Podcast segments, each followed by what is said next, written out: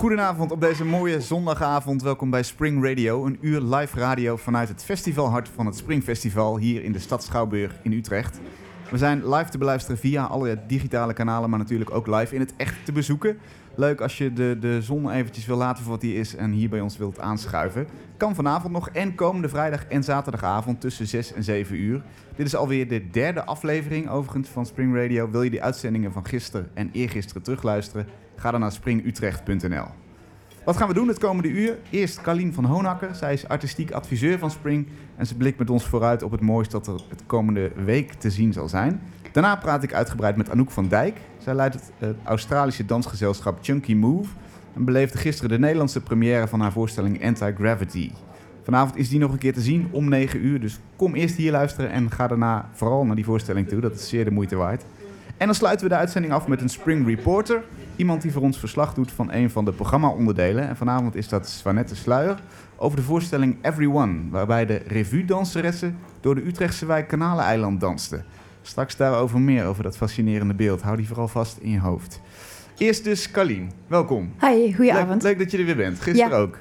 Uh, we zijn een paar dagen onderweg inmiddels. Ja. Hoe is de sfeer hier op het festival? De sfeer is eigenlijk heel goed. Alles loopt heel goed. Er is nog een beetje commotie rond de Dries Verhoeven zijn project op de Neude.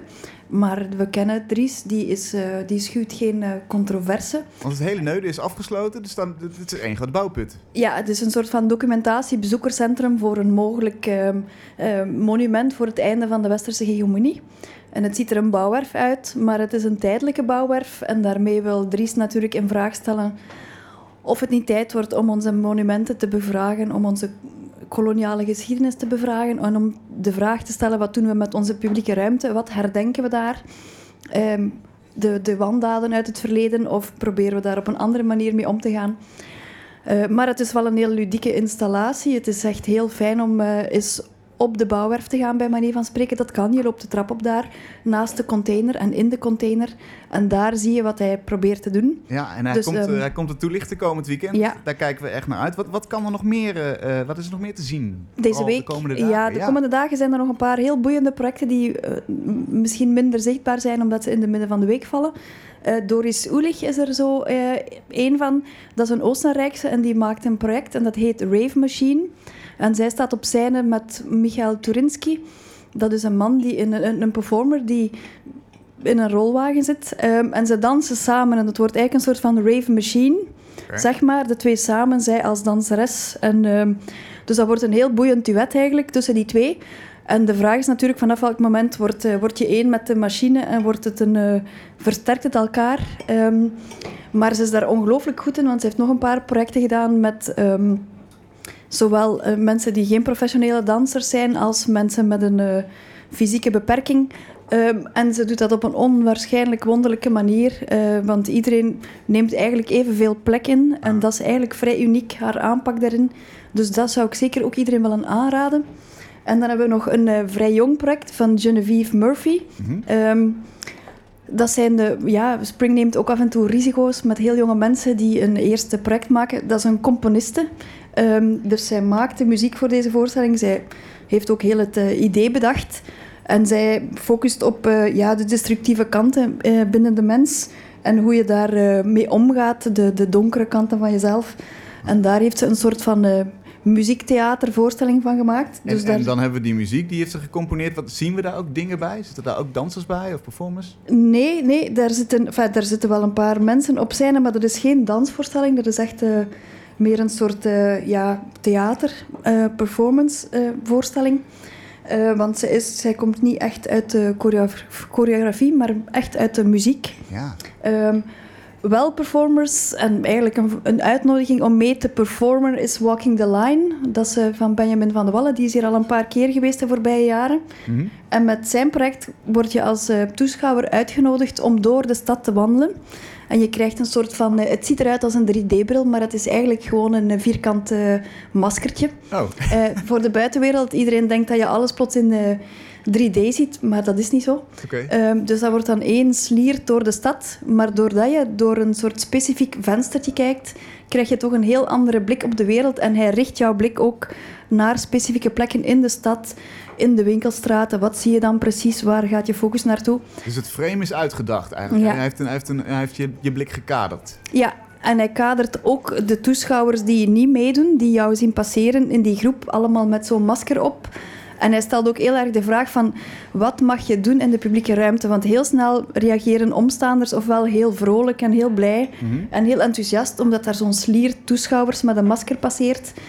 Heel veel andere mensen zijn ook geïrriteerd, lichtjes, want ze denken, oei, wat, doen die, eh, wat doet die groep mensen hier die niet in groep, maar in een sliert beweegt? Ah. Dus hij stelt ook heel erg de vraag van, wat mag je doen in de publieke ruimte? Dat is gewenst En gedrag. Voilà. En wanneer wijk je daar al vanaf? Ook als je in groep met een masker rondloopt, dan wijk je daar al lichtjes vanaf. Ook al houdt hij heel veel rekening met eh, de omstaanders.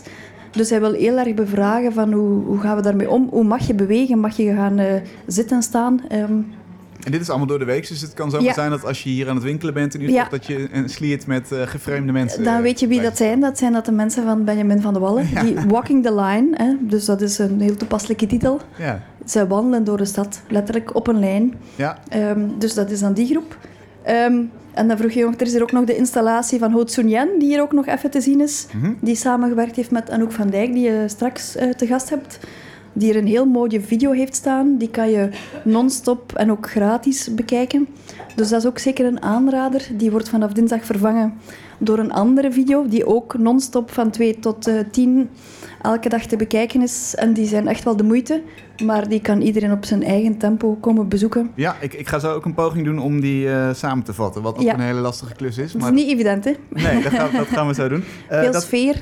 zeker. En dat, kan dus, dat kun je dus zien boven in de Hekman foyer. Hier Ja. boven in de stad Schouwburg, de eerste verdieping is dat. Ja. Oké, zijn we er dan wat jou betreft? Voor de, hoogte? Ik kan je ook nog de Portugese Flora de Tras aanraden. Dat is een heel jong meisje die danst. En die eh, heeft eh, twee kleine solo's gemaakt. En die werkt heel erg op geluid. En, ehm, en die doet eigenlijk een, een Duitse bariton na. En ze probeert zijn bewegingen van de grote baritonzanger zeg maar, in de opera, die heel veel beweegt en zingt, doet ze na. Maar ze, beweeg, ze gebruikt vooral de bewegingen van het zingen. En daar maakt ze dan een solo van. En ze creëert daar geluiden bij, maar ze, ze gebruikt daar de techniek van een buikspreker eh, voor. Nu, in het begin heb je dat niet door en je denkt van waar komen die geluiden? Waar is er hier nog iemand op scène? En, eh, want ze maakt allerlei vreemde geluidjes en verder zie je haar een bariton nadoen. En dan plots denk je, ah, maar het is zij die eh, die geluiden ook maakt terwijl ze aan het dansen is, wat heel fascinerend is. Nog keer is haar een naam? Flora Detras, een jonge Portugese.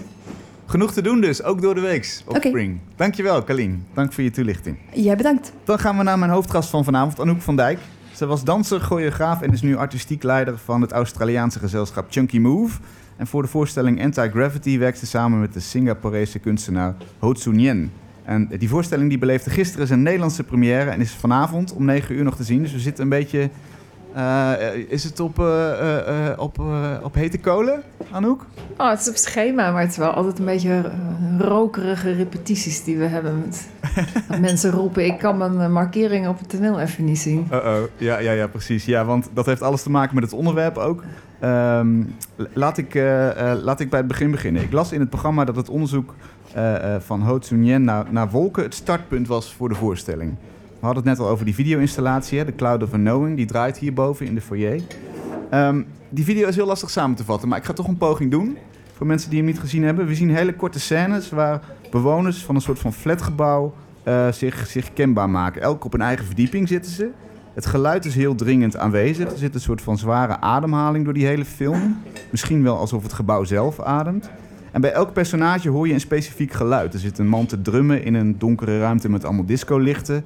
Een verdieping daarboven een vrouw tussen het rottend fruit. En die heeft allerlei flarden radio om zich heen. Een andere man die zit weer te schrijven in een bibliotheek. En dan hoor je het gejaagde geluid van potlood op papier. En helemaal onderin een, eh, een gelopen kelder. En daar kleedt iemand zich uit. Een man die wast de kleurspoeling uit zijn haar. En vervolgens ontstaat er een hele grote wolk achter hem. Rookwolk. En hij eh, trekt als een soort van geestesverschijning door al die verdiepingen, door het hele gebouw. Om zich eh, kenbaar te maken aan al die bewoners. Wat, wat, wat, wat fascineerde jou, jou zo aan die installatie? En waarom is dit het startpunt van de voorstelling? Nou, deze installatie is niet het startpunt van de voorstelling, maar het ehm, onderzoek dat Hotenien heeft gedaan, die heeft geleid tot de installatie The Cloud of the Knowing. En hij had zoveel onderzoek gedaan naar de rol van eh, wolken in het menselijk bestaan. En zowel vanuit Oosters perspectief als Westers perspectief. Ehm, dat toen wij begonnen te spreken om samen een voorstelling te maken, uh, ik heel gefascineerd was door al dat onderzoeksmateriaal. En hij zei: Oh, er is heel veel materiaal wat ik nooit heb gebruikt. Want ja, het was niet geschikt voor het thema van mijn film. En Um, en ook misschien zijn er dingen die juist veel meer geschikt zijn om met dans verder uit te werken dan wat ik met film en niet dansende performance zou kunnen doen. Dus vandaar zijn we toen vertrokken vanuit de, het onderzoeksmateriaal over wolken, maar niet specifiek uit deze film. Nee, precies. Maar wel de, het thema van de wolk, wat eigenlijk Ja. ook inderdaad als rode Ja. draad in die installatie zit. Ja. Dat, dat was het startpunt. Dat wel. En we hebben ook een beetje de structuur van hoe die film eh, eigenlijk een soort individuen laat zien die helemaal op zichzelf eh, opereren, maar dat er toch een soort verbinding komt en een soort de, de verbinding tussen elkaar iets genereert en dat die, dat die film tot een soort extase komt. Dat gegeven en hoe de, die structuur van die film opereert, hebben we losgelaten op een dansvoorstelling. Ja, oké. En, en ehm, hoe, hoe werkt dat dan? Want, want kun je een schets geven van hoeveel research erin zat? Is dat wetenschappelijke research of zijn dat heel veel afbeeldingen van wolken? Hoe, hoe Het is van alles en nog wat. Van afbeeldingen van wolken, schilderijen van wolken, eh, mythologische verhalen waarin de wolk een centrale rol heeft. ehm, religieuze afbeeldingen, zowel in beeldhouwkunst als in ehm, schilderkunst. eh, hebben we naar gekeken. En dan verder meer het eh, onderzoek, het, het, het archeologisch, eh, hoe heet het? Ehm, het onderzoek van, van hoe, wordt, hoe ontstaat nou een wolk? Ja, Eh, klimatologisch, puur Ja. natuurkundig. Wat zijn de elementen die de wolk genereert? Dus eh, bijvoorbeeld de objecten die we op het toneel hebben, die zijn heel erg voortgekomen uit het feit van ja, je moet aarde hebben. En je hebt wolken, je hebt lucht, je hebt druk, luchtdruk, Ah ja. drukverschil. ehm, en op wat voor manier geef je die druk dan aan? Wordt een geluid aangegeven, er wordt ook in een wind, windmachine aangegeven die we hanteren. Ja, kunnen, we Ehm, die, kunnen we die eens nalopen, misschien die objecten? Dan krijgen Ja. mensen meteen een idee van wat staat er allemaal op het Wat ze podium. allemaal op het toneel zien. Ja, Nou, van links naar rechts Ja, staat er op Ja, het toneel. We gaan van links naar rechts.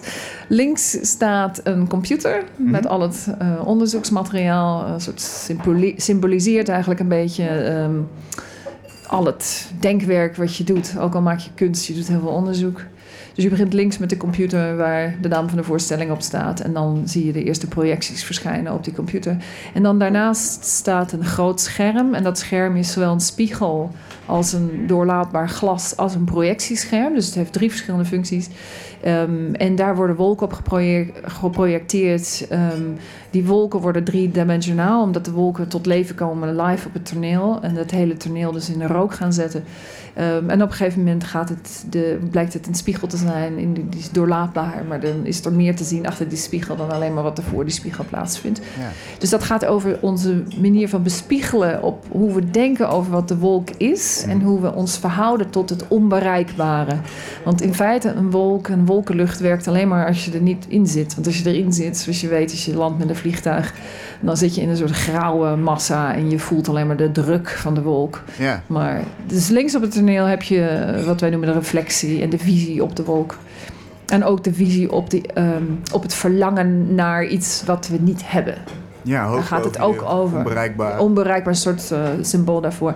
En dan ga je verder. En dan daarachter staat eh, de genie. En de genie is zo'n eh, technisch apparaat wat je in het theater gebruikt om de lampen te stellen. Die kan helemaal naar de nok van het theater toe. Een Dus liftje, toch? Een liftje. Personenliftje. Ja, een personenliftje staat er op het toneel. Ehm, en dan komen de rookmachines. Dus we hebben verschillende rookmachines op het toneel. De Fogger, die we, de, als bijnaam Hoe? Martin. Fogger noemen Fogger. we dat, de Fogger. Ja, De, de roker heb je, ja, zeg ja. maar. Maar we hebben ook een glaciator, die staat verder op het toneel. Dat is lage rook, die, dat is koude rook. Dat is weer een an- ander soort type rook. En dan midden op het toneel heb je een soort grote... eh, het ziet eruit als een soort ehm, stenen gebeeldhouwde muur staat er. Ehm, die ja, een soort aarde, maar de con- geconstrueerde aarde symboliseert. Dan ga je verder naar rechts en dan heb je een soort vreemd object wat helemaal gevuld is met rook. En langzamerhand in de voorstelling realiseer je dat daar de wereld in zit. En dan nog Als verder. grote ballon eigenlijk. Ja, hè? dat is een grote ja. ballon. En die ballon symboliseert de, de druk die we nodig hebben om ehm, volume te geven aan iets wat zonder dat geen volume heeft. Dus de wolk is, heeft ook geen volume uit zichzelf. Het is een soort een object, maar zonder. ehm, eh, surf, eh, Grenzing. gren- eh, grenzing en zonder eh, afbakening. Mhm. En ehm, de ballon ja, dat is natuurlijk het ding wat zich echt kan verheffen van de aarde, tijdelijk in ieder geval. Maar daar is dan wel, weer de luchtdruk voor nodig. En dan gaan we verder naar rechts op het toneel en dan komen we bij ehm, de rotsen uit. Er staan een paar hele zware stenen liggen op het toneel, die worden gebruikt. Die zijn ook echt zwaar. Die liggen op gras. Eh, en dan helemaal vooraan op het toneel staat het water. En dan zijn we eigenlijk rond. Een soort cyclus van hoe de wolk zich verplaatst. Eh, als je een wolk wordt gegenereerd door de afkoeling. Ehm, het verschil van de, de, de, de temperatuur van de aarde en de lucht. En als, dat, ja, als dat niet meer klopt, dan vormt er zich een wolk. En die wolk, als het koud wordt, dan gaat die wolk omhoog en dan valt de regen eruit. Ja, wat goed. Dus die hele cyclus die is, die zie je gewoon op het Die zie je op het toneel, ja. ja. ja. Dus het is een soort rookmachine Ja. die we hebben gemaakt. Ja. Ehm, en, en daartussen eh, ja, bewegen die dansers zich uiteraard. Ehm, wat, ik, wat ik heel mooi vind, en misschien kun je daar iets over vertellen, over, over de beweging. Het is natuurlijk heel moeilijk om over dans eh, duidelijk te praten op, op de radio, maar dat gaan we toch doen. Wat, wat, voor soort bewegingen horen er bij de wolk? Nou dat vroegen wij ons ook af. Van hoe kun je nou ehm, de wolk in je gang zetten? En eh, er zijn verschillende dingen die we hebben gebruikt. Ehm, de beweging van de wolk, die kan heel traag eruit zien, maar zich ook enorm versnellen. Naar gelang of er eh, wind op staat of niet. Ehm, en verder de gedachte dat de wolk geen vorm is, vormeloos is, maar daardoor, als je op afstand ernaar kijkt, weer vorm krijgt. Dat vonden we ook een heel interessant gegeven om te gebruiken. Ja? Dus ik heb zowel gebruik, gezocht naar bewegingen die eigenlijk een soort vormeloze, vloeiende verandering zijn. Aan de ene kant. En aan de andere kant heb ik veel meer gezocht naar een soort sculpturale. ehm, bijna alsof je de wolk bevriest en je zet hem vast in een soort vorm. Dus dat, dat zijn eigenlijk de twee eh, invalshoeken geweest. Ehm, en dan bij die vormeloze massa, wat je natuurlijk wilt, is dat het omhoog gaat. Maar wat er zal gaan gebeuren, is dat, de, wol, eh, dat het lichaam weer naar beneden stort. Want je willen verheffen is eigenlijk eh, een soort heel menselijke behoefte om je willen te verheffen. Mhm. Ehm, maar als je het doet, dat kost heel veel werk en zal waarschijnlijk maar heel tijdelijk een moment zijn dat je je echt kunt verheffen boven het aardse. Want we zijn gebonden aan die zwaartekracht. We zijn natuurlijk. gebonden aan die zwaartekracht. Nietige ja. mensjes. Ja. Ja. Ja, gelukkig maar. maar Ja, ook- oh ja, gelukkig. ja, gelukkig maar. Aan de andere kant natuurlijk, als je ziet hoe we oud worden, dan zie je de, de, de werking van de zwaartekracht zie je op het menselijk lichaam ehm, Ja. echt letterlijk vorm. Mensen die Geven. trekken, kleiner Ja. worden. Ja. Want ehm, soms lijkt het in de voorstelling, en, en dat, is, dat vind ik heel mooi, dat, dat die zwaartekracht even niet telt. Dus dat, die, dat, die, eh, dat, dat het oprichten, dat dat gelukt is. Hè? De, bijvoorbeeld een, een, een, eh, hele goede danseres die, die eigenlijk als soort van blaadje heen en weer gewaaid wordt over het, eh, over het podium. Ja, Eh, andere momenten eh, lijkt, er, lijkt er een duo in een soort van gewichtloosheid te verkeren. ja. Ja. Eh, hoe, hoe kom je bij zulke soort bewegingen? Ja, hoe, hoe, hoe vormt dat zich? Ja, dat zijn toch. eh, we hebben heel erg gezocht vanuit. We hebben eigenlijk de wolk helemaal uit elkaar geplozen. Dus eh, met allemaal woorden ge- gewerkt die associaties geven aan, aan de wolk en waar de wolk voor staat. Dus de, de schilderijen waar we naar hebben gekeken, die gaan heel erg over. ehm, je ziet bijvoorbeeld een man biddend voor een wolk. Mhm. En die wolk is binnenskamers. Dus die wolk is waarschijnlijk, die hangt een beetje boven hem. Dus als een wolk binnenskamers wordt afgebeeld op een schilderij, dan, dan, is het meest, dan gaat het meestal over ofwel meditatie of een soort eh, bezoek krijgen van een engel of een soort, soort eh, transcendentie hebben. Ja. Ehm, zodra de wolk zich natuurlijk buiten eh, op een schilderij wordt eh, geplaatst, dan is het meer een echte wolk, een echte wolkenlucht. Dus we hebben ehm, heel erg gekeken naar ehm, in wat voor staat brengt de wolkje. Hmm. Dus ga je eh, bijvoorbeeld als je in een soort staat van meditatie gaat, moet je dan naar binnen keren om veel meer naar buiten gekeerd de wereld te kunnen begrijpen? Of is het net andersom? Moet je jezelf naar buiten keren zodat je meer snapt wat er van binnen met je gebeurt? Dus vanuit zulke soort discussies zijn ehm, improvisaties ontstaan en zijn een soort bewustzijnsdingen ontstaan die de dansers hebben belichaamd. En van daaruit zijn ze gaan improviseren. En daar, daar is die bepaalde bewegingskwaliteit die je heel erg in die voorstelling ziet uit voortgekomen. En ook dat, Ah, dat, dat luchtige wat die voorstelling vreemd genoeg heeft. Ja. Dus, dus, dus het is inhoudelijk ingaan op de thema's en vanuit daar, vanuit daar improviseren de dansers hun bewegingen. En vanuit daar ontstaat het. Ja, tenminste, dat is een onderdeel van het maakproces. En op een gegeven moment ga je dat vastleggen, want uiteindelijk nu de voorstelling ligt helemaal vast. Ja. Maar de bewegingen zijn voortgekomen uit zulke soort ehm, eh, reacties op de associaties op de, de wolk en, en wat de rol van de wolk is eh, in ons bestaan. Ja.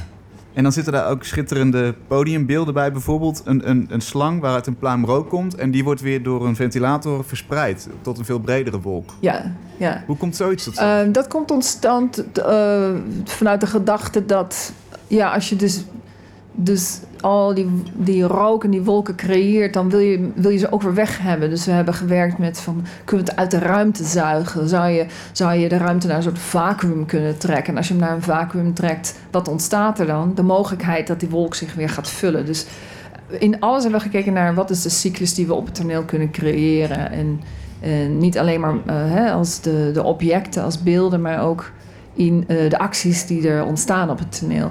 En die, die wolk boven het hoofd komt ook, dat is ook volgens mij een, ehm, een eh, beeld waar Ho Ten Yen op een gegeven moment mee aankwam. Dat we dachten, hoe kunnen we nou een wolkje creëren boven iemand zijn hoofd? Hmm. En ehm, toen ben ik dus gaan spelen met die, met die windmachine. En door hem om te keren, wordt die, wordt die rook als het ware naar de persoon toegetrokken. En doordat hij dan naar de persoon wordt toegetrokken, kun je, als je de eh, rook boven de persoon eh, zich laat vullen, ja. dan wordt hij naar die persoon toegezogen. Dus je hebt een soort heel interessant eh, soort atoombommetje creëer dan boven een persoon. ja. Dus we waren heel blij met dat moment. En dan parallel in dat moment gebeurt precies hetzelfde, maar met een hele zware steen. En die is ook echt heel zwaar. Die jongen kan hem bijna niet boven zijn hoofd optillen. Dus je ziet zowel het, ja, de, de, het ongrijpbaar lu- luchtige en dan eh, tegelijkertijd de enorme de, de zwaarte van, van het werk wat ze allemaal moeten verrichten. Ja. Er zit ook een soort omslagpunt, zat er voor mijn gevoel in de voorstelling. Op een gegeven moment eh, is, waait het allemaal mooi uit en is het heel luchtig. En op een gegeven moment wordt er, is er een soort van samenklontering. Kun je daar iets over vertellen? Klopt, ja, ik weet, er zijn twee van zulke soort momenten.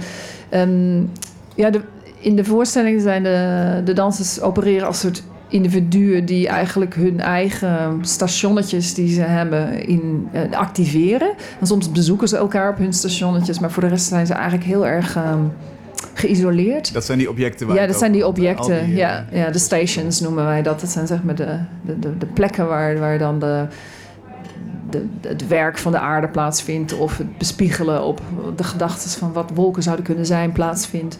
Mhm. Het, het, het, eh, dus, dus ze zijn eerst heel erg onafhankelijk van elkaar. En op een gegeven moment probeerden we een soort eh, verbanden te leggen... waardoor ze uiteindelijk als een soort groep gingen, gingen opereren. Het is bijna een beetje zoals een wolk of een wolkenlucht zich vult.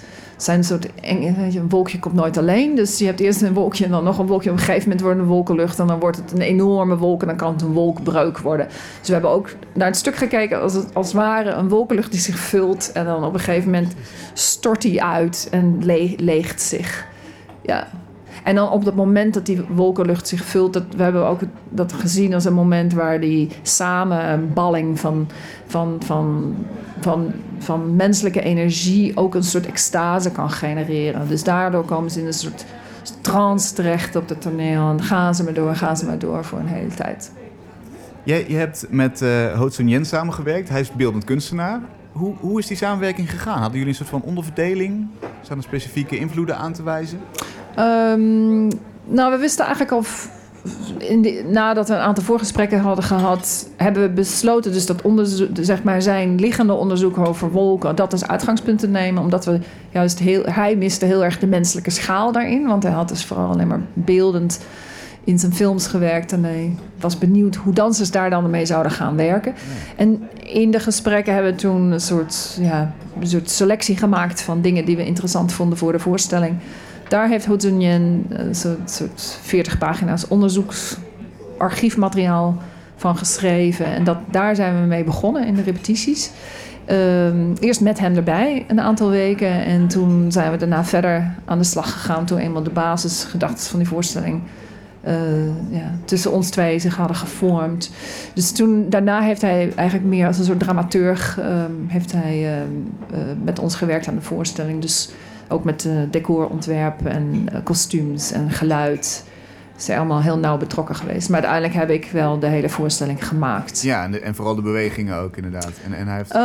de, de, de, beweging, de logica van hoe de verschillende stations op elkaar werkten. De objecten in de ruimte is een soort samenwerking geweest tussen Hodjonien en uh, Paul Jackson en mijzelf. Dus we hebben eigenlijk allemaal objecten aangedragen. En die heb ik dan um, ja, ruimtelijk een soort logica gegeven, zodat de zwaartekrachten in de ruimte, of de, de balans in de ruimte goed werkte. Ja, nou, nou zit er natuurlijk in de bewegingen uh, ook, een, ook een fascinerende logica. En hopelijk kun je daar iets meer over, uh, over vertellen. Je hebt ook jouw eigen danstechniek ontworpen, de door jou ontworpen countertechniek. Uh, daar heb je in 2012 ook de loopbaanprijs de Gouden Zwaan voor ontvangen. Wordt les ingegeven over de hele wereld, dus dat is heel invloedrijk geweest. Voor mensen die die techniek niet kennen, zou je die eens kunnen uitleggen? Um, countertechniek is een moderne danstechniek of een hedendaagse danstechniek uh, die ik in de afgelopen 20 jaar heb ontwikkeld. In de meeste danstechnieken um, wordt er heel erg uitgegaan van een soort centraal gedeelte in je lichaam die de beweging controleert. En in countertechniek hebben we dat idee losgelaten en um, wordt er eigenlijk gekeken naar het lichaam, bijna, lichaam een beetje meer uh, als een soort ja, naar, naar, naar, vanuit de natuurkundige wetten. Waarbij je zegt van er gaat een deel van je gewicht de ene kant de ruimte in. Dus er zijn drie verschillende mogelijkheden wat er met dat gewicht gebeurt. Ofwel trekt het hele lichaam mee. Mm Ofwel je gaat een beetje spannen in je lichaam om te zorgen dat dat lichaam niet omvalt. Mm Of je geeft een tegenrichting ergens anders in je lichaam. Zodat dat gewicht van het ene deel van je lichaam nog steeds de ruimte in kan gaan. En dit dus laatste principe... als, bijvoorbeeld je, je, linker, je doet je linkerbeen omhoog. En, en hoe is dan de counter, countertechniek? Nou, als je linkerbeen omhoog gaat, kan de, uh, de, uh, de contrarichting overal plaatsvinden. Dus als je linkerbeen naar voren omhoog gaat, kun je zeggen: Mijn ribben gaan uh, naar achteren en omhoog als een soort tegenwicht. En niet dat je dat als beweging ziet, maar in je lichaam voel je dan dat dat optillen van het been veel makkelijker wordt. Je kunt ook een andere tegenrichting zeggen van oh, het been waar ik op sta is mijn tegenrichting. Uh, en zo zijn er eindeloos veel uh, manieren hoe je twee dingen in je lichaam uit elkaar kunt bewegen. Wat uiteindelijk maakt dat bewegen minder zwaar is. Ik vergelijk het altijd met het liggen op uh, dun ijs. Weet je wel, je loopt op dun ijs, je valt er doorheen. Maar als je gaat liggen op dun ijs, hè, als je iemand uit een wak moet redden, dan, um, dan leg je een ladder over het ijs zodat het ijs niet breekt. Ja, verdeel je het dus gewicht. Het, het, verdelen van het gewicht is in feite de grondslag van die techniek. En um, dus dat je niet alleen maar onderhevig bent aan de zwaartekracht, maar doordat je ruimtelijk veel meer um, delen van je lichaam uit elkaar stuurt, is er minder druk op je gewrichten. En daardoor wordt bewegen makkelijker en dan kun je het veel langer volhouden. Ja, oké. Maar als ik het goed begrijp, is dat dus vooral een techniek die voor dansers intern van belang is. Dus, dus dat, dat, dat zij langer door kunnen gaan met dansen omdat ze dat verantwoordig doen. En, zien we het ook aan de, aan de... Nou, wat je ziet is dat ze heel ruimtelijk bewegen, heel makkelijk bewegen. Um, ze heel vloeiend met hun bewegingen kunnen omgaan. Ik heb vanochtend bijvoorbeeld een workshop gegeven waar mensen het voor het allereerst deden. En die zeiden ook na afloop van ja, het is zo mooi om de dans zo vloeiend te zien bewegen op toneel. Maar om dat zomaar eventjes te doen is toch wel uh, ja, veel, uh, veel studie om, om die vloeiendheid te vinden in de beweging. Dus de countertechniek die resulteert erin dat dansers heel vloeiend kunnen bewegen. Ah, en, en, en zit er een soort van systematiek aan? Moet je automatisch denken van linkerbeen, dus ribben naar achteren of zo? Of? Nou, door. Um,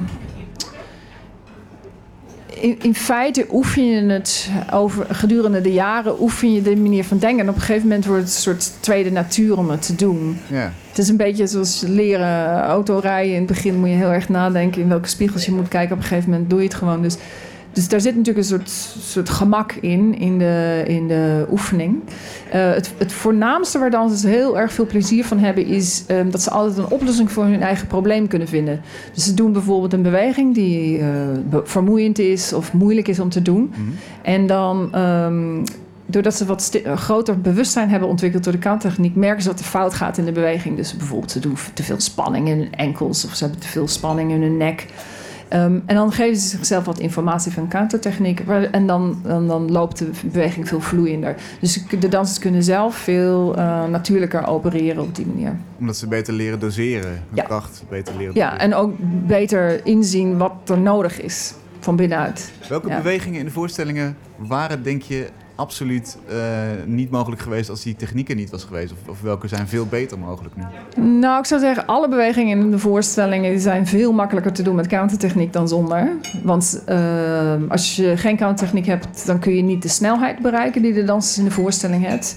En ook niet eh, de, de vloeiendheid van bewegen. Dus dan zal het er schokkeriger uitzien. Of ze zullen wat harder naar de grond vallen dan met countertechniek. Of ze zullen dingen minder langzaam kunnen doen, bijvoorbeeld. Ja. Wat, ehm, wat ik me nog afvroeg, de, de wolk zou je ook kunnen zien als eh, natuurlijk een natuurkundig fenomeen, maar ook inderdaad in overdrachtelijke zin als, als, als contact tussen eh, onze wereld en een boven, bovenwereld. Hoe Ja. zijn jullie met het, dat spirituele aspect omgegaan? Nou, er zitten verschillende soort verwijzingen in. Bijvoorbeeld er zit een verwijzing in naar de mythologie... waar Zeus en Hera... eh, Zeus ehm, die eh, pleegt overspel op Hera... en ehm, zorgt dan dat er een hele hoop wolken in de lucht komen te hangen... zodat Hera uit van de Mount Olympus niet kan zien wat hij, wat hij allemaal uitspookt. Kun je alleen als je een hele grote bent, hè? Die, die wolken, wolken oproepen. Ja, precies. Ja. Dus we hebben bijvoorbeeld daarmee gewerkt. ehm, eh, we hebben gewerkt met juist het tegenwicht van de wolken. Dus we hebben met Atlas gewerkt, met de Sisyphus. En het, de, de onmogelijkheid van altijd maar die steen omhoog gedragen. En dan als je eenmaal op de top van de berg bent, dan rolt hij weer naar beneden. En dan moet je het weer opnieuw doen. Eh, dus we hebben ook gekeken naar die andere kant van wat is nou wat de mens zichzelf aandoet om naar die verhevenheid te komen. Want die verhevenheid, hè, wat die wo- wolk ook een beetje symboliseert, dat vonden we heel erg interessant. En de overdrachtelijke vorms van verhevenheid, waarin, waarin vind je dat? Vind je dat in de staat van hallucinatie of in een staat van dromen? Of is dat alleen maar in een soort eh, orgastisch moment? Heb je daar je verhevenheid? Of is het inderdaad meer een soort spirituele zoektocht die je ondergaat? En eh, eh, Sisyphus is inderdaad wat je zei, die, die steen hè, die, die, die je steeds maar niet boven krijgt. Eh, Atlas zien we ook echt als beeld. Die, die draagt de aarde op zijn schouders. Hè, Ja. op, zijn, ja, op, zijn- ja, op zijn schouders. Ja. Die zien we ook echt als, letterlijk als beeld. Ja. Zeg je daarmee ook die wolken... eh, het, loont niet om, om alleen maar naar die verhevenheid te streven. En, en we- wees misschien tevredener met wat je hier hebt. Oh, ik zie het meer als dan dat het, inher- zeg maar het harde werken ervoor is inherent verbonden aan naar het streven. En of dat streven eh, belangrijk is in iemands leven, dat is een heel erg persoonlijk, persoonlijk iets. En dat zal ook zich uiten in een andere vorm. Iemand die heel erg hard werkt, kan daarin een bepaald soort voldoening en verhevenheid vinden. Hè? Eh, of iemand die besluit niet meer hard te willen werken, kan dat ook hebben. Dus dit is denk ik een heel persoonlijk gegeven. En hoe mensen daarmee omgaan is heel, ja, verschilt van persoon tot persoon.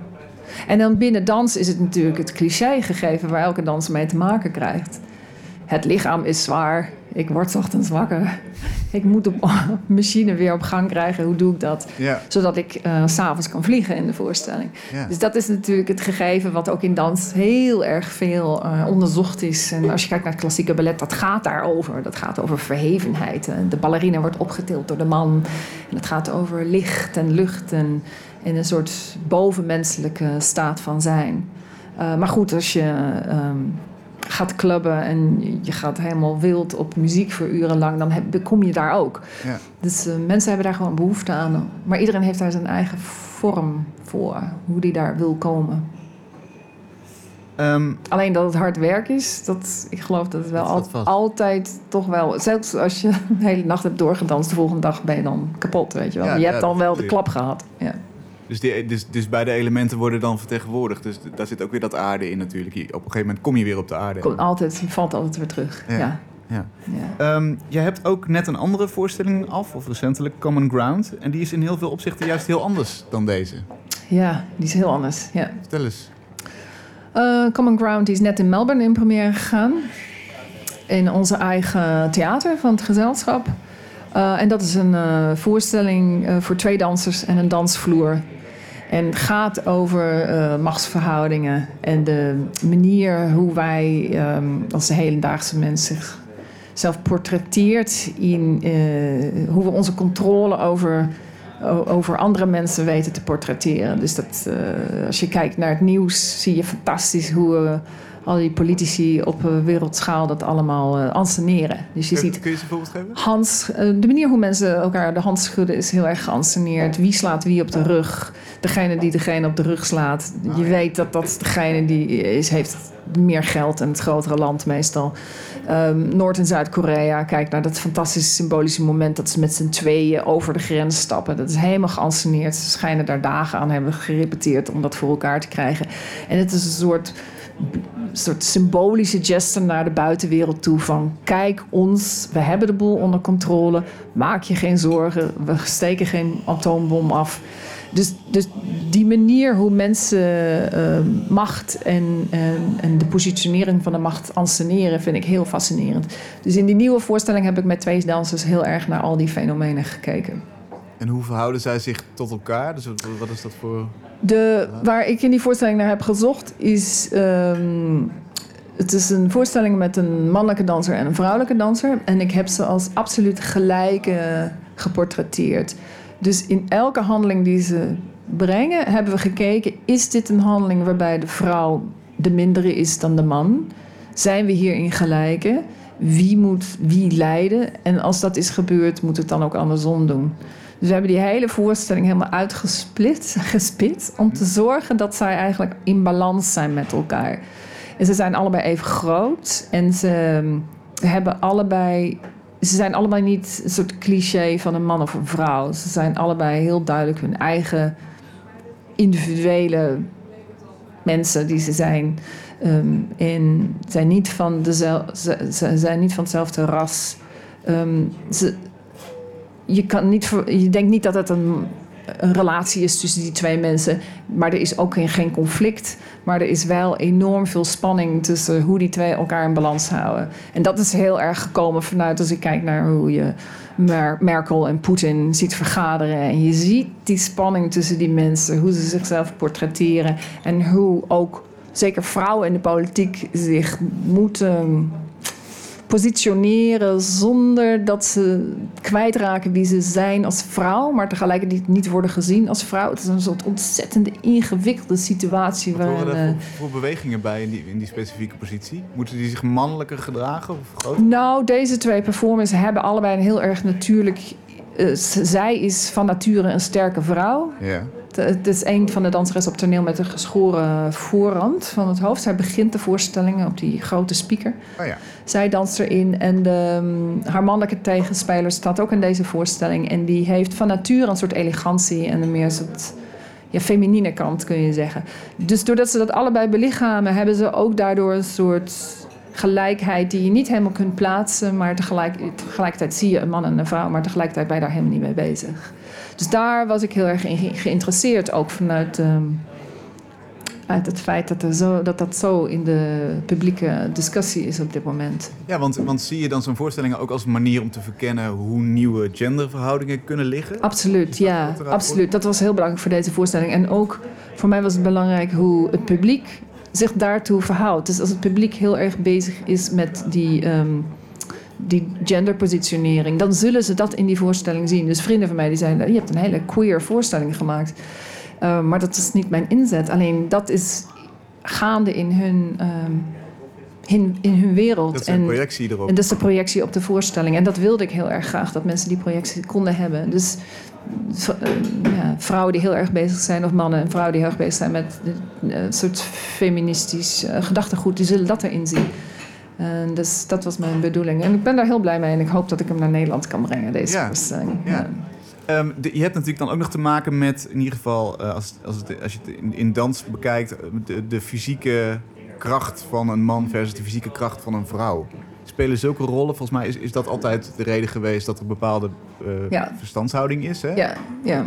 Oh, dat is een steeds minder een rol? Uh, dat ligt eraan uh, welke dansers je bij elkaar zet natuurlijk. In dit geval bij Common Ground kan zij hem even goed optellen als andersom. Ja. Dus zij tillen elkaar ook even gemakkelijk op. Ehm, maar goed, als ze niet even groot en even sterk waren geweest, is dat natuurlijk toch anders. Ja. Ja. En ehm, zou je zeggen dat er, dat er ook echt concrete bewegingen of concrete verstandshoudingen uit die voorstellingen rollen die je hier in de buitenpodiumwereld zou kunnen gebruiken? Hoe bedoel je als bewegingen? Bedoel je? Nou ja, eh, precies. Als je, als je die voorstelling ziet als soort van verkenning van hoe, hoe die posities eh, ten opzichte van elkaar zouden kunnen zijn, levert dat dan concrete eh, inspiratie op voor het leven buiten het podium?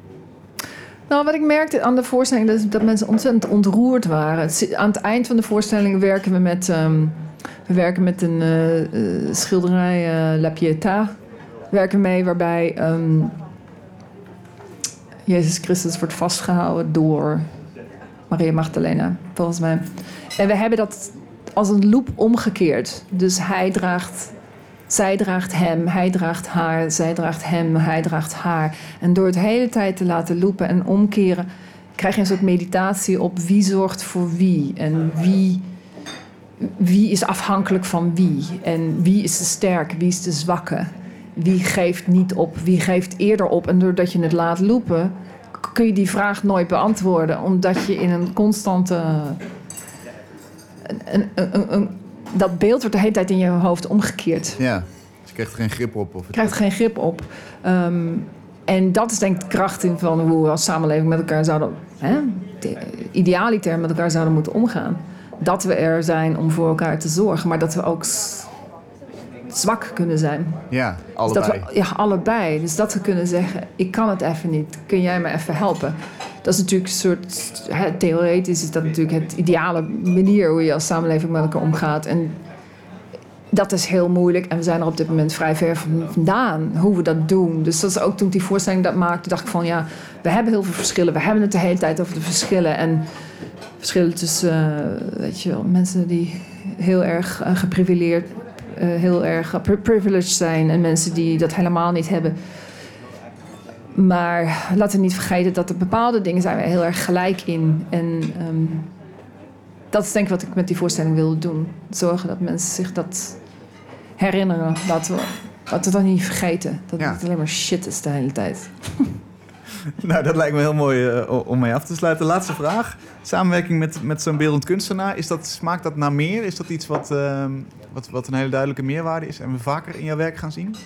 Oh, ja, absoluut. Ja, ja, ik, vind ook, ik vind het heel bijzonder om met andere makers samen te werken. En eh, ik ben op dit moment met een nieuwe voorstelling bezig. Interior in Melbourne. Eh, die we volgend jaar, als het goed is, gaan eh, uitbrengen met Ian Strange. En Ian Strange is, ehm, is begonnen als een eh, st- street artist. Als een graffiti artist onder de naam Kid Zoom. Was heel erg snel bekend in New York City. Ehm, en is toen beeldend kunstenaar geworden. Heeft zich teruggetrokken van de graffiti scene. En werkt, ehm, maakt waanzinnige dingen met huizen. En hoe hij de, de ziel van het huis naar buiten keert. Oké. Eh, Ian Strange heet hij. Hij is echt een waanzinnige kunstenaar. En wij gaan een nieuwe voorstelling samen maken. Ja. En, en kun je daar al iets van, eh, een tipje van de sluier oplichten hoe dan waarschijnlijk wat we gaan zien? Wat we gaan zien is, hij is op dit moment een marionettenhuis. Hij is een skelet van een huis als een marionet aan het ontwikkelen... die aan de dansers vastzit. En het is echt een heel groot object. Ja. Dat klinkt heel goed. Ja. We gaan je volgen. Dank je wel. Eh, sprint snel zou ik zeggen naar je dansers toe, want straks om eh 9 uur begint de voorstelling. Je kunt er nog bij zijn als je nu kaarten koopt. Dankjewel. Wij eindigen de uitzending met een speciale Spring Reporter die bij een performance of voorstelling of video-installatie natuurlijk aanwezig is. En daar alles over kan vertellen. En vanavond is dat eh Swanette Sluier. En zij was bij de voorstelling Everyone van de Oostenrijkse Willy Dorner. Zij eh, sprint nu naar eh, de microfoon toe. Je ziet het, eh, ik zie het voor me gebeuren. Ze loopt nu ook het beeld van de livestream in. Ja, ga maar zitten. Kijk, ja, er is altijd een beetje podiumvrees. Dat kan op, een, Ja, op zo'n performance absoluut. festival. Ziet Swanette, ga lekker zitten. Dankjewel. Wat, wat is het voor voorstelling? Vertel. Wat is het voor voorstelling? Wat zal ik erover zeggen? Bijzonder. Mooi. Omschrijf eerst even wat we zien. Dan, dan heeft Ja, de luisteraar... Het is eh, een, eh, een groep, ik dacht 38 eh, dansers. En die beginnen op een plek in Kanaleneiland. En die bewegen op een bepaalde manier en dansen op bepaalde plekken. In Kanaaleiland. En wat is die bepaalde manier? Je houdt het heel, heel spannend. Ja. Het is een revue volgens mij, hè? ja, revue. Wat stel je voor bij revue? Schrijf Eh, het eens. Misschien hebben we dan een beeld. Ja, het is wel een invulling van de regisseur, denk ik. Bij revue denk je aan eh, misschien kan, kan, kan. eh, gelijk. Maar dat is, dit is dit, dit ook, alleen anders. Eh, wat eh, strakker en eh, gelijkmatig en een beetje marcheren lijkt het wel een beetje op. Oké. Dus het is wel kan, kan, gelijk, maar, maar dan anders. Ja. Ja. En dat, eh, wat, wat, wat droegen de dansers? Ja, dat, eh, wat mij het eerste opviel, en er stonden ook wat kinderen te kijken in het begin. En toen zei ik, heb je gezien dat ze hun blouse verkeerd om aan hebben? Oh, Dat vond ik echt heel erg grappig. dat was ook echt zo? Of Dat was echt zo, ja. Oké. En de kinderen vonden dat natuurlijk geweldig. En eh, ze hebben een, een ja, een, ik dacht dat het een wollen rok was. Een soort, ja, Ierse kelt. Maar gelukkig, ik sprak eh, na de voorstelling eh, een danser. Het was gelukkig katoen, want het was natuurlijk eh, ontzettend heet. Het is bloedheet. En ik had wel een beetje medelijden met ze. Want ze hebben 75 minuten gelopen, gemarcheerd, gedanst. Ik eh petje af. Ja, Dan zit je in, in Kanaleneiland, dat is Ja. hier, hier in Utrecht. ja. Wat, wat dachten die bewoners? Ja, dat was ook wel eh, grappig. Eh, zoals we weten is dat toch wel eh, de achterstandswijk van Utrecht, samen met Overvecht natuurlijk. Ehm, het is natuurlijk ook Ramadan, dus er waren wel veel mensen buiten en ehm, ja, die vonden het natuurlijk allemaal heel erg raar. En wel zo van, wat is dit en eh, wat moet dit hier? En eh, wel een beetje bevreemdend. eh. En de een reageerde, oh wat leuk. Want ik was dan degene die probeerde uit te leggen wat er aan de hand was. Oh, die, die dankbare taak had jij in je Ja. schoenen geschoven gekregen. Ja. En de een vond dat prettig en de ander die zei van nou boeien, geen zin in. En, en hoe vertel je dat? Dus, dus, dus aan een aantal dansers die doen een soort van kan-kan-achtige eh, dansers, dans met, met hun blouse omgekeerd. Ja. Hoe, maak je daar, eh, hoe heb je dat uitgelegd? Ja, ik heb me natuurlijk ingelezen en filmpjes op YouTube gekeken van de regisseur. Daar was er zelf ook bij. En, Wat zei je? Stel, ik, ik, ik kijk vanuit mijn flat naar beneden en ik zie Ja, allemaal. dat mij natuurlijk ook. Van wat moet dat op mijn grasveld? Want de mensen hadden ook de, de, groep had ook de avond ervoor eh, eh, geoefend. Dus de mensen hadden het ook gezien. Dus die waren echt een beetje van ja, eh, die is dit. En nou ja, dan, ze hadden allemaal wel, alle bewoners hadden wel, waren goed voorbereid. Want ze hadden allemaal een brochure al hè, in de brievenbus gehad. En dan zei ik van, nou kijk vooral op pagina 20. Hè, maar ja, hoe leg je dit uit? Ik vind het wel belangrijk dat het eh, verhaal toegankelijk eh, moet zijn eh, voor de mensen. Kijk, ik, ik zelf vind het heel interessant, dus ik ga helemaal op internet kijken van wat beweegt deze regisseur om dit te doen. Hè. Hij is ook heel erg geïnteresseerd in architectuur, hè, in sociale woningbouw. De, de, de, formaliteit, de, de gelijkheid, dus, de, hè, dus ik, wat ik heb verteld, ja, ik weet eigenlijk zelf ook niet zo heel goed hoe ik het moet verwoorden in eenvoudige woorden, maar eh, ik heb gezegd van, goh, eh, eh, heb je vragen? Hè? Ben je benieuwd wat hier gebeurt? Ja, ik heb een vraag. Waar gaat de voorstelling over? Ja, Stel, je ja en dan zeg je, en dan zei, ja, ik heb geen idee. Ik zeg, nou, deze regisseur, die, het is een, een dansgroep. Hè, want zo ziet het ook er niet uit, want ze marcheren soms echt door de straat. Nee. Eh, het is een dansgroep die ehm, ehm, ja, eenvormige bewegingen maken. Hetzelfde doen, dezelfde kleren aan hebben en een beetje op marcheren. Het is eh, eh, heel erg geïnspireerd op ja, jaren twintig. Ik, wilde eigenlijk niet het verhaal erbij vertellen dat hij dan hè, de industrialisatie en dat soort Maar ik zeg ja... Je de- noemt nu de industrialisatie, Ja. want dat is inderdaad ook wat, wat je in het programmaboek Ja, leest. Hè? ja. Massaproductie is ja, uitgevonden. en massaproductie naar het heden, ja. En die maakt eigenlijk mogelijk dat wij nu Ja. op zo'n ja gestandaardiseerde vorm Ja, leven. de standaardiseerde vorm. Ik heb gezegd wat de regisseur belangrijk vindt. eh, wat we hem inspireerde was toch de een, enige eenheid in de blokken, de huizen, de flats. Dat was zijn inspiratie en daar vond hij deze dansvorm eh, heel erg in passen.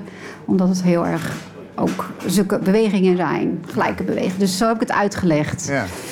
En eh, ik heb ze de brochure gegeven en eh, sommige mensen waren wat meer geïnteresseerd. Dus, maar goed, toen ging de groep al verder en liepen we verder. Maar, Wat, eh, wat vind je zelf het mooiste aspect van de, van de voorstelling? nou, het effect toch wel op, op, de, op de bewoners en de plek.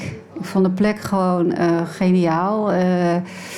Eh, ja, het is toch een beetje sociale bodembouw. Eh, op een gegeven moment waren we ook bij eh, garages. Het was toch wel een beetje dacht van wow, dit is echt wel een soort van ja, tussen aanhalingstekens oud, oud, achterbuurtachtig. Oud, oud? Ja. Ja, echt oud, oud.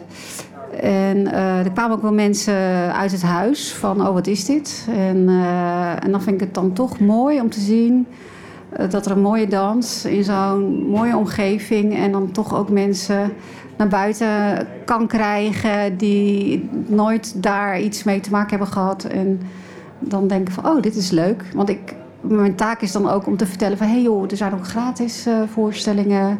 Ga naar de Neude, dan zie je hoe mooi eh, standbeeld, eh, monument daar wordt gemaakt. En ik vertel iets over Spring, over het festival, waar het voor is en voor wie.